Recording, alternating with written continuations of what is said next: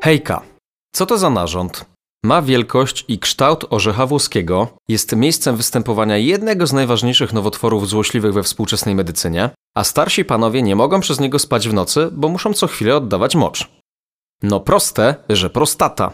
Dzisiaj opowiem wam, jakie funkcje pełni ten niepozorny element męskiego układu moczowo-płciowego. Wypunktuję najważniejsze kwestie dotyczące raka prostaty oraz przybliżę postać ciekawego zachowania u pacjenta, który napisał skargę na mojego kolegę za to, że ten chciał zbadać jego prostatę. Przygotujcie swoje głowy na kolejną dawkę łatwo przyswajalnej wiedzy i lecimy z tematem. Witam Was serdecznie przy mikrofonie lekarz rodzinny Marek Łapno, a to jest podcast Chore Problemy.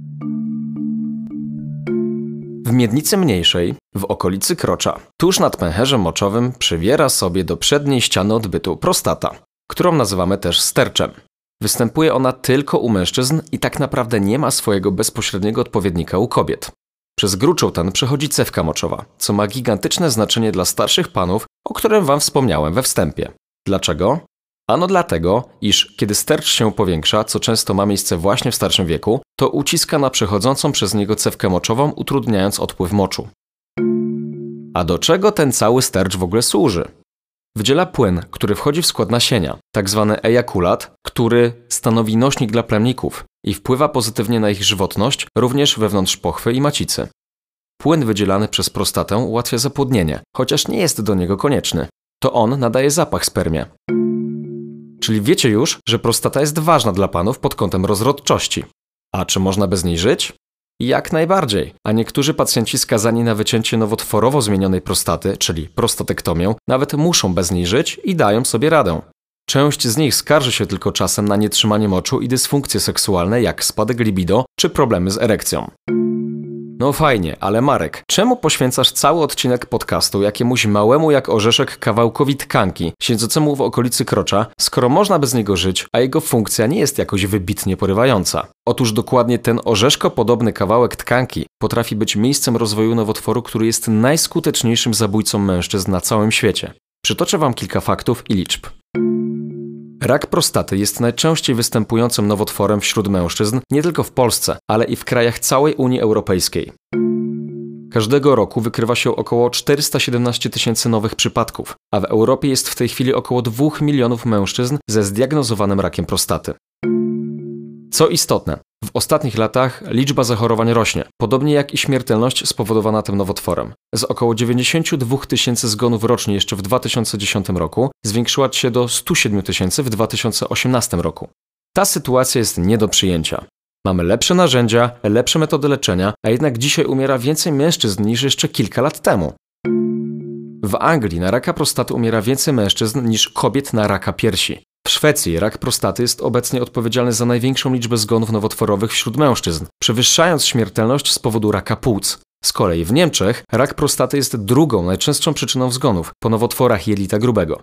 Musimy coś z tym zrobić, podejmując pilnie wspólne działania, podkreśla profesor Hendrik van Poppel, przewodniczący Europejskiego Towarzystwa Urologicznego. W Polsce śmiertelność z powodu raka prostaty jest jeszcze wyższa niż europejska średnia. Liczba wywołanych nim zgonów w Europie wynosi około 165 na każde 100 tysięcy osób, podczas gdy w naszym kraju ten odsetek oscyluje wokół 180-190. Niższa jest za to liczba zachorowań, ale w związku ze starzejącą się populacją i to powoli się zmienia.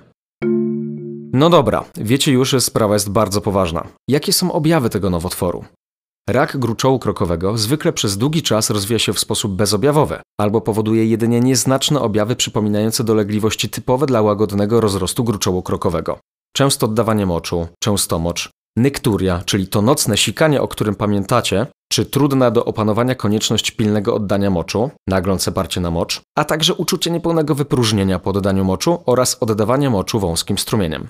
Czasem do objawów dołącza się krwinkomocz, pod tym pojęciem rozumiemy obecność czerwonych krwinek w moczu, ale nie jest to równoznaczne z dostrzegalnym gołym okiem czerwonym zabarwieniem moczu. Czy każdy mężczyzna jest wobec tego zagrożony i czy każdy objaw urologiczny oznacza potencjalnie nowotwór prostaty? Na pewno u każdego przedstawiciela płci brzydszej dochodzi do stopniowego powiększania się stercza z wiekiem. Jest to sprawa wręcz fizjologiczna. Czasem to powiększanie się jest jednak problemem i gdy gruczoł jest za duży, to powoduje, jak wiecie, trudności w sikaniu. Mówimy wtedy o łagodnym przyroście stercza. Jest to najczęstsza przypadłość związana z prostatą i na pewno macie w swoich rodzinach panów z tym problemem. Ale uwaga, Przerost prostaty w ogóle nie oznacza jeszcze raka, tylko regularne badania krwi z oznaczeniem PSA oraz badanie urologiczne pozwala podejrzewać, czy mamy już do czynienia z nowotworem, czy też cały czas mówimy o przeroście gruczołu krokowego. A ostateczne rozpoznanie zawsze i tak musi być postawione na podstawie wyniku badania histopatologicznego z biopsji prostaty. Nowotworami prostaty są zagrożeni przede wszystkim panowie po 60 roku życia. U młodych mężczyzn występuje ekstremalnie rzadko. Poza tym u młodych osobników płci męskiej, którzy mają ból przy oddawaniu moczu, ból przy wytrysku czy ból w pachwinie połączony z gorączką, znacznie częściej niż z nowotworem, mamy do czynienia z zapaleniem prostaty. Ostre zapalenie gruczołu krokowego to choroba, która jest spowodowana zakażeniem tkanek gruczołu przez bakterie. Najczęściej są to bakterie stanowiące normalną florę bakteryjną jelita grubego, potocznie nazywane bakteriami kałowymi, które mogą trafić do cewki moczowej przykład w trakcie seksu analnego. W leczeniu stosuje się antybiotyki. Tak więc przekaz do męskiej części publiki jest taki. Jeśli jesteście młodzi, to rak prostaty teraz wam jeszcze raczej nie grozi, ale ostre zapalenie prostaty już tak. Kiedy objawy ostrego zapalenia będą utrzymywać się powyżej 3 miesięcy, wasz lekarz będzie podejrzewał przewlekłe zapalenie prostaty. Co ciekawe, ten typ schorzenia nie jest najczęściej wynikiem zakażenia bakteryjnego. A jak lekarz bada prostatę? No proste, że per rectum, czyli przez odbyt. Dzięki temu może wyczuć palcem gruczoł, ocenić jego wielkość, twardość czy kształt. A czy musi to być urolog? Niekoniecznie, bo pierwszy kontakt z pacjentem ma nie kto inny jak jego lekarz rodzinny. Teraz historyjka przerywnik, wyciągnięta tym razem z zaprzyjaźnionego gabinetu.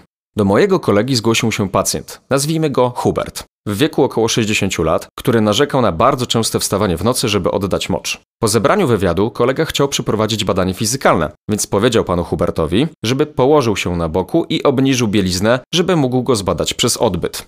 Kiedy pacjent to usłyszał, nagle zagotował. Jak to? Będziesz mnie pan badał palcem? Wkładał mi palec do tyłka? Ja tylko powiedziałem, że mam problem z sikaniem, a pan chcesz mnie oglądać z tyłu i jeszcze wkładać palec? Nie godzę się absolutnie na coś takiego. Podobno poleciało tu kilka mocnych przekleństw i pacjent strzelił drzwiami.